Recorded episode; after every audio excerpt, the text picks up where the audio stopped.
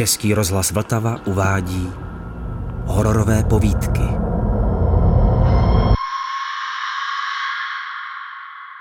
Svěží večer, který se míru milovně rozhostil po parném letním dni, vylákal nového majitele panství plukovníka Kielholma a jeho choť na kamennou lavičku před panským sídlem.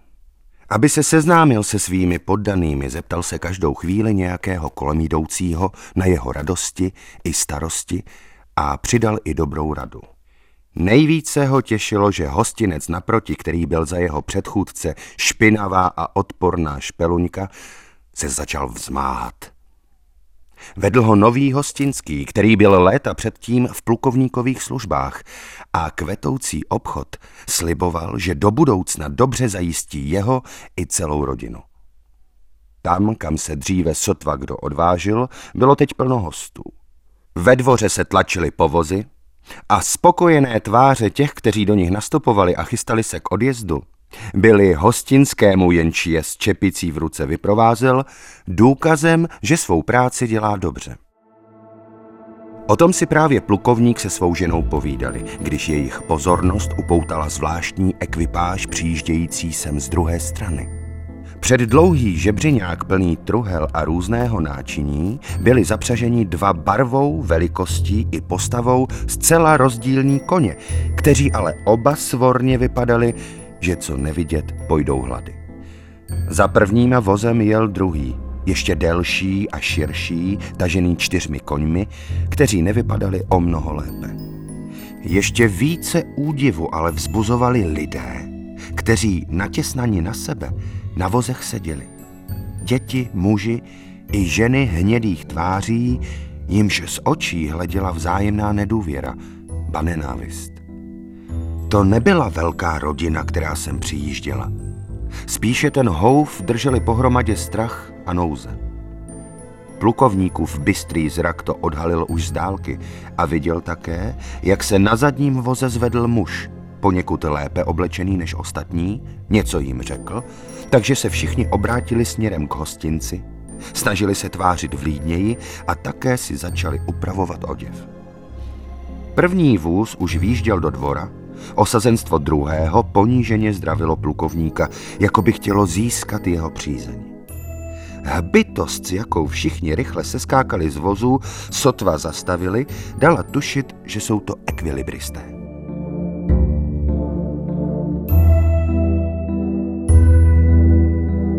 Plukovník se obrátil ke své choti a vyslovil domněnku, že se tu ti lidé patrně nezdrží dlouho, že jistě budou spěchat do rezidence, kde na ně čeká pěkný zisk.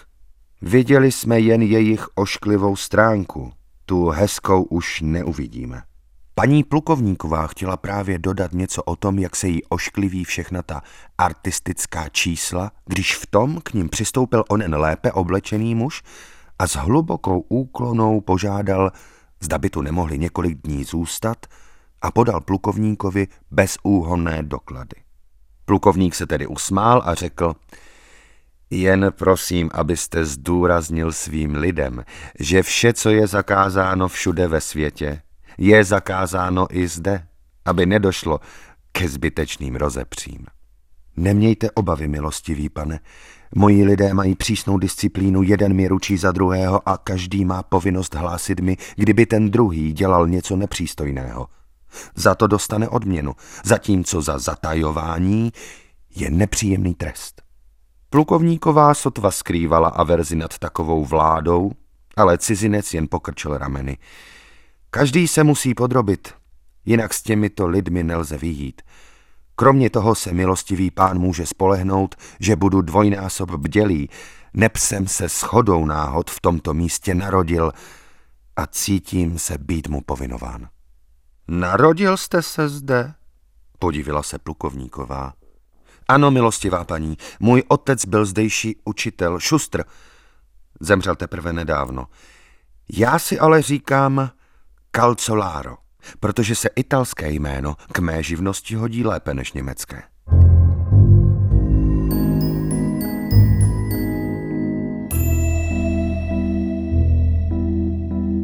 Ve vsi se vědělo, že učitel Šustr, který byl díky varhaní službě v kostele dost majetný, svého jediného syna vydědil a učinil svou univerzální dědičkou jakousi mladou, vzdálenou příbuznou z města.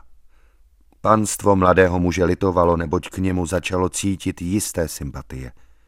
Můj otec se ke mně nezachoval právě otcovsky, pravil Calzolaro, a proto se domnívám, že mám právo jeho testament soudně napadnout.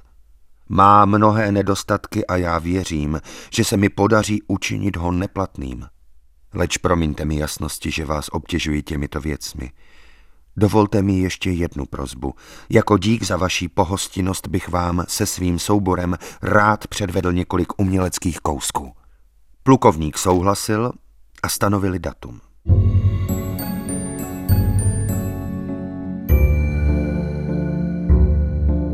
Ještě téhož večera vyhledal Calcolaro místního pastora a seznámil ho se svým úmyslem napadnout testament svého otce.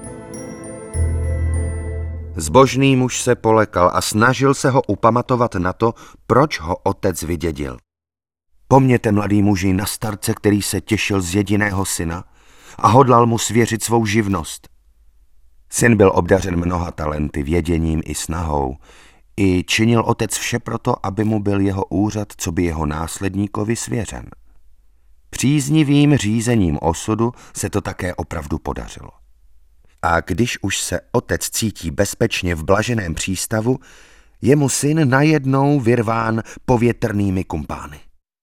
Jestliže jste, milý šustre, tehdy ve své lehkomyslnosti nedbal žalu a soužení svého ctihodného otce, když jste tajně utekl z domova, pak ho dbejte alespoň nyní, nebo vás budu mít za zlého člověka. A nečinil snad tehdy váš otec vše, aby vás přivolal zpět? Vy jste si ale zacpal uši a stavil se hluchým k otcovým prozbám. Mladý muž byl pastorovými slovy skutečně chvíli pohnut, leč druhého dne bylo zase vše při starém, neboť se Kalcolárovi doneslo s jakou hořkostí o něm otec před smrtí mluvil. Toho tak rozčílilo, že nyní nechtěl slyšet ani o žádné domluvě s mladou dědičkou, kterou mu pastor navrhoval.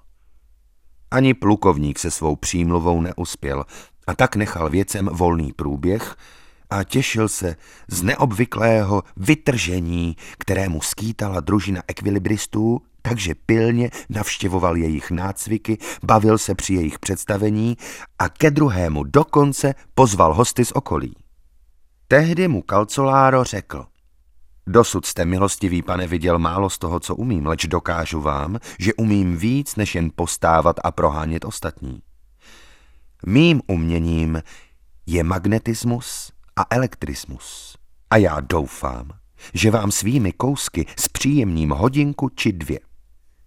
Na tomu plukovník vyprávěl, že přednedávnem viděl v rezidenci muže, který takové kousky předváděl. Nejvíc se mu prý líbilo jeho břichomluvení.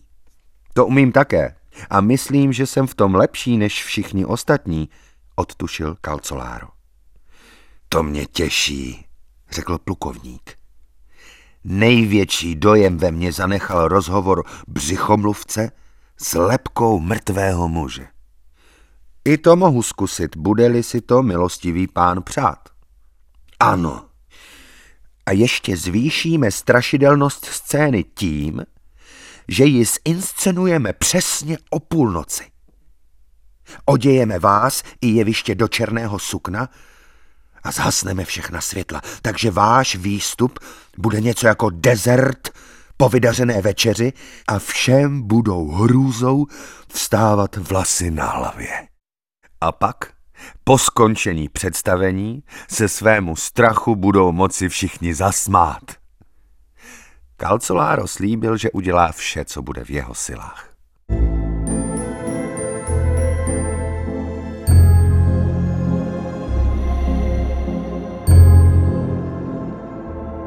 Jeden z pokojů v plukovníkově sídle byl vyklizen a černě vytapetován, ovšem tajně, aby nikdo nic nevěděl.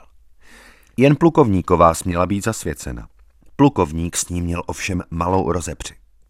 Ona navrhovala, aby Calcolaro při výstupu použil lepku ze sádry.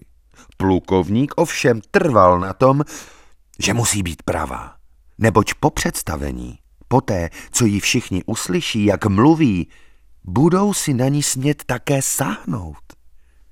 A kde ji vezmeme? Zeptala se plukovníková. O to už se postará hrobník, odpověděl plukovník. A který mrtvý to bude, jehož klid bude tak frivolně rušen? Jak jste sentimentální, posmíval se jí plukovník. To proto, že jste nikdy neviděla bitevní pole poseté mrtvolami, které mají klid jen tak dlouho, jak se to líbí sedlákovi, kterému pole patří. Bůh mě ušetř takového pohledu, zvolala plukovníková a vzdálila se, neboť pochopila, že její námitky nedojdou u jejího chotě sluchu.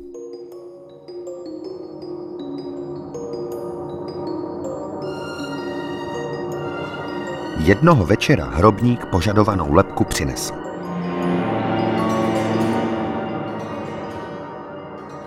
Ráno před představením dlel Kalcoláro v blízkém lesíku a přemýšlel, na co se bude lepky ptát a co ona bude odpovídat a také kam ji umístí, aby u diváků nemohl vzniknout dojem, že na jeho otázky odpovídá člověk skrytý za scénou. V tom kolem projel ve voze pastor, který trávil předcházející noc u umírajícího. Když spatřil kalcolára, viděl v tom boží záměr. Okamžitě dal zastavit kočár, vystoupil a začal kalcolára znovu přemlouvat, aby upustil od svého záměru s testamentem. Včera jsem od dětičky vašeho otce dostal dopis, aby zabránila napadení testamentu a porušení poslední vůle ctěného muže, nabízí vám dobrovolně celou polovinu dědictví. Jistě té nabídce dáte přednost před soudním procesem, jehož výsledek je nejistý. Leč Calcolaro trval na tom, aby spor rozhodl soud. Pastor viděl, že je všechna jeho námaha marná, i odvrátil se v hněvu od Calcolára. Ten se pomalu vracel k hostinci, aby ekvilibristům udělil poslední příkazy před představením.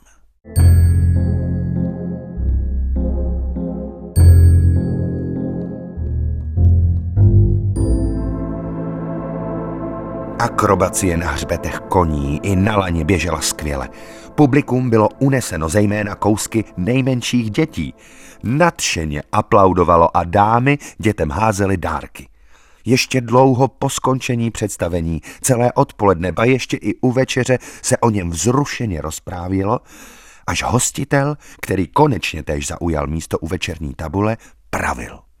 Těší mě, moji milí přátelé, že jsem vám mohl tím skromným představením udělat radost. A pakliže nazýváte schopnosti mých ekvilibristů nepochopitelnými, pak vězte, že vám dnes večer ukáží něco ještě mnohem nepochopitelnějšího. Právě jsem totiž dorazil tajemný muž, který dokáže navázat styk se světem duchů a hovořit s mrtvými. Haj, zasmála se jedna z dam. Nechtějte nám nahnat hrůzu, drahý plukovníku. Jen se smějte, odvětil plukovník. Věřím, že dnes večer vás smích přejde.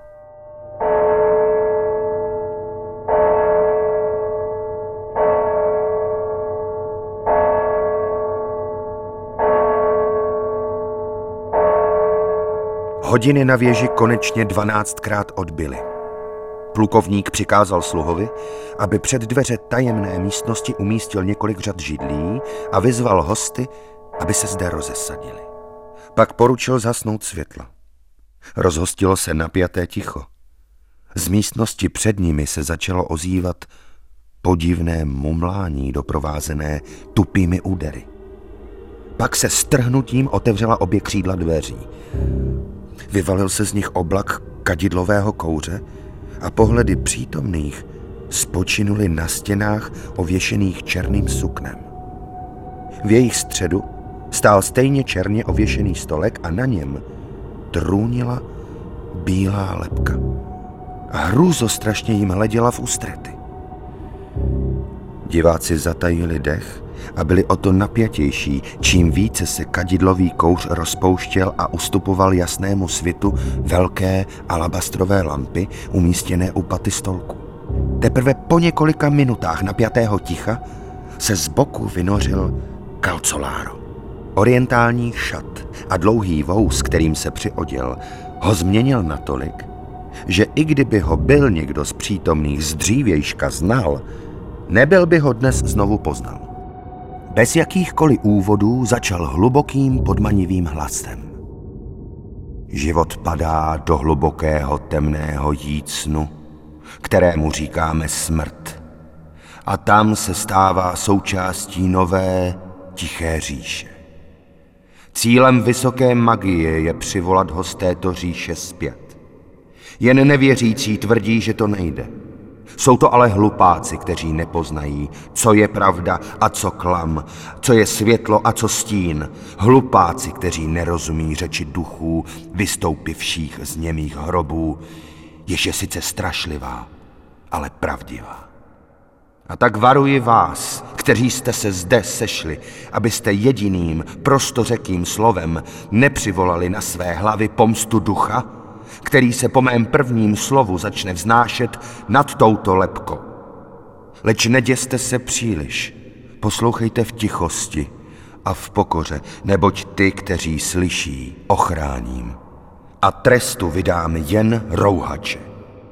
Plukovník viděl, že Kalcolárova důstojná slova zanechala v posluchačích ještě před malou chvilkou hotových k všelijakým posměškům hluboký dojem.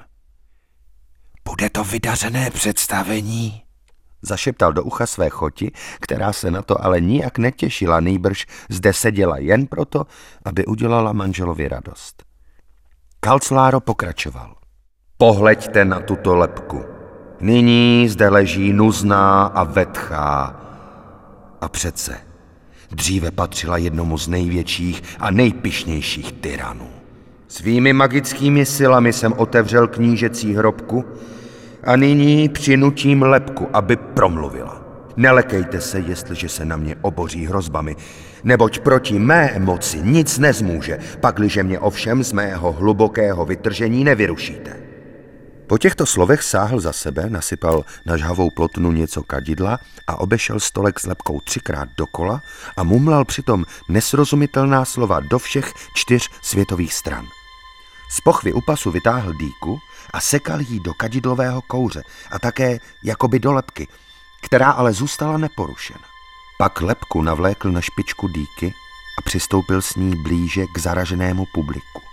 Kdo jsi, ubohá lepko, jež se houpá na špičce mé dýky? Zeptal se Kalcoláro pevným hlasem. Sotva ale doznělo poslední slovo jeho otázky, zbledl jako stěna. Natažená paže se mu začala třást a kolena se podlomila. Sotva byl schopen položit lepku zpět na stolek. Pak se s výrazem děsu v očích zroutil. Vyděšené publikum hledělo na plukovníka, plukovník hleděl bezradně na ně. Nikdo netušil, patří-li tento záhadný výjev k experimentu či nikoli. Dlouho bylo ticho. Pak se Calcolaro konečně pohnul a tichým přirozeným hlasem se zeptal, zda už je duch jeho otce pryč. Všichni byli zmateni. Plukovník se zlobil nad pokaženým představením. Calcolaro ale třesoucím se hlasem pravil, že je ochoten snést každý trest, jen když bude lepka vrácena do svého hrobu. Dřív nevstal z podlahy, než byla na příkaz plukovníkové odnesena pryč. Plukovník s mateným hostům, kteří se nemohli vynadívat na vznešeného mága, jenž teď zhroucený ležel na zemi a vysílal k ním prosebné pohledy, začal vysvětlovat, jakéže představení si to pro ně společně s kalcolárem uchystal. Ten konečně nabil něco sil a nesměle ho doplnil – Chtěl jsem vás oklamat, ale naštěstí jste zřejmě byli ušetřeni děsného pohledu, který se naskytl jenom mně a málem mě zbavil smyslu. Když jsem totiž lepku zvedl špičkou dýky a oslovil ji, proměnila se v hlavu mého zemřelého otce. Jen já sám jsem zřejmě slyšel, co mi řekla. Třes se, otco vrahu, a opust cestu zločinu, kterou si nastoupil.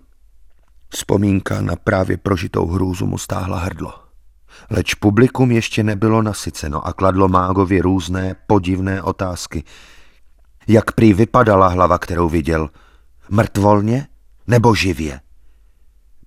Patrně to první, odpověděl Calcularo. Bylo to tak děsné, že jsem podrobnosti zapomněl. Vžijte se do pocitů syna, který na špičce své dýky pohupuje hlavou svého zemřelého otce. Už jen pouhá představa by člověka mohla zbavit smyslu. Nikdy bych si nepomyslel, řekl zamyšleně plukovník a dlouze na kalcolára pohlédl, že světoběžník jako vy bude mít tak citlivé svědomí, že mu před očima vykreslí přízrak. Milostivý pane, zdá se, že pochybujete o reálnosti toho, co jsem viděl. Já ale jsem ochoten složit tu nejstrašnější přísahu. Nikdo z nás ale neviděl nic více než obyčejnou lepku. To neumím vysvětlit, ale jsem přesvědčen. Vím to, že to byla lepka mého otce. I na to mohu přísahat. Ušetřete si přísahy, důkaz si snadno opatříme, zeptáme se hrobníka. Na to plukovník odběhl, ale za chvíli byl zpět. Je to divné. Hrobník je sice zde v domě, ale odpovědět nemůže. Přihlížel představení u zadních dveří a ve chvíli, kdy omdlel náš mák, omdlel také. A dosud se ho nepodařilo vzkřísit, byť byly použity už všechny prostředky. Jeden z přítomných pánů nabídl svůj silný likér, který v takových případech vždy zabral. Všichni jej následovali, leč ani tento prostředek nepomohl. Zřejmě zemře, konstatoval plukovník.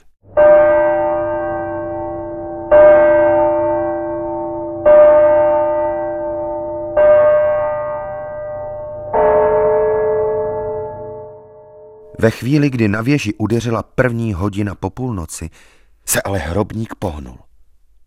Díky bohu, že má zase svůj klid. Vydechl. Kdo, starochu? Zeptal se plukovník. Přece zesnulý učitel. Patřila lepka opravdu jemu? Ach, račte odpustit, milostivý pane. Byl jsem příliš zvědavý a takový to vzalo konec. Plukovník nebyl z hrobníkových slov moudrý a tak se znovu zeptal, proč vykopal zrovna tuhle lepku. Račte odpustit, milostivý pane. Říká se přece, že promluví-li děti o půlnoci ke kostem svých mrtvých rodičů, ty zase ožijí. Chtěl jsem vědět, je-li to pravda, ale raději jsem si měl nechat zajít chuť. No naštěstí má pan učitel zase klid. A jak to víte? zeptal se ho plukovník. Viděl jsem to ve snu. V jednu hodinu po půlnoci lepku do hrobu uložila moje žena. Plukovník vyslal k hrobníkově ženě sluhu a ukázalo se, že hrobník popsal vše přesně.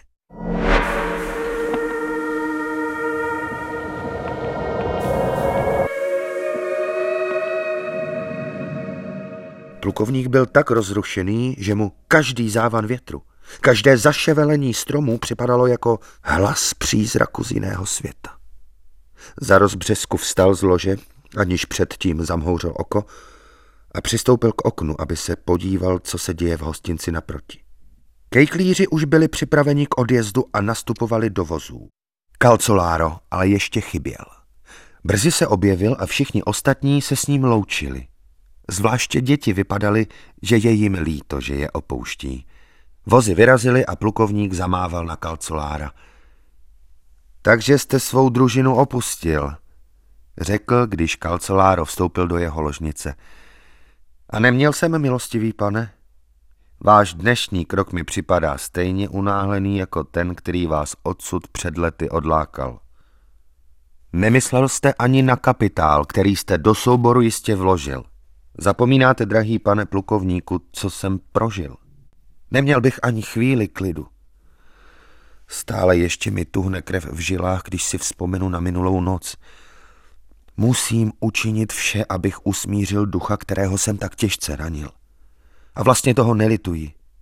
Nebyl to lehký život vést družinu lidí, kteří musí denně kvůli soustu tvrdého chleba nasazovat vlastní život – ten, který hraje klauna, člověk bez soucitu, se už dlouho snažil sesadit mě ze sedla, snad mě i sprovodit ze světa.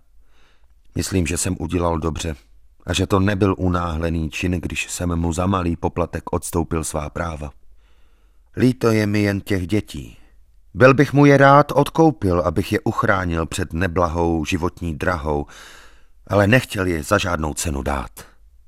Mohu jen doufat, že bude-li se k ním chovat ohavně, což jistě bude, mu utečou. A vy? Co hodláte dělat vy? Hodlám se stát učitelem, jak si přál můj otec, v nějaké zapadlé německé výzce. Plukovník požádal kalcolára, aby ještě několik dní zůstal, že by snad mohl pro jeho budoucnost něco udělat. Z města přijela i dědička otcova jmění a když slyšela, co kalcoláro chystá, žádala ho, aby přijal darem polovinu dědictví. Kalcolárovi se líbila její mírnost a dobrotivost, takže ji zanedlouho požádal o ruku, s čímž ona souhlasila. Plukovník byl nadšen vývojem věcí a zanedlouho našel Kalcolárovi místo učitele na vzdálené usedlosti patřící jeho ženě. Kalcoláro se vrátil ke svému německému jménu Šustr a než odjel, nechal se farářem, který se na něj nyní už nezlobil pro jeho tvrdohlavost, v místním kostele oddat. Po svatbě se v hostinci konala velká svatební slavnost. Slunce už zapadalo a mladý manželský pár seděl tiše stranou ostatních. Najednou měli oba pocit, jako by jim někdo přiblížil ruce k sobě a pevně je sevřel do vzájemného stisku. Tak to alespoň později vyprávěli, že puzení uchopit se vzájemně za ruce bylo tak náhlé a tak silné, že se oba podivili. A v zápětí na to uslyšeli oba jasně otcův hlas, který jim požehnal. Bůh vás opatruj.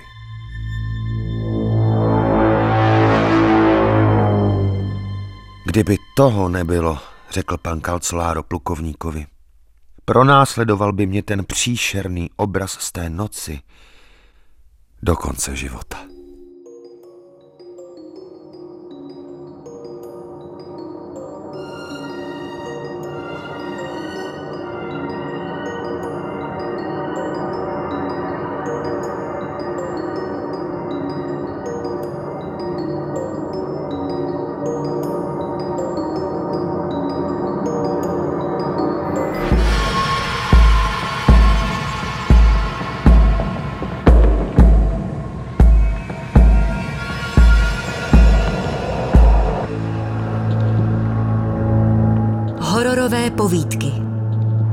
Další díly poslouchejte ve vysílání a na webu Vltavy, v aplikaci Můj rozhlas a na dalších podcastových platformách.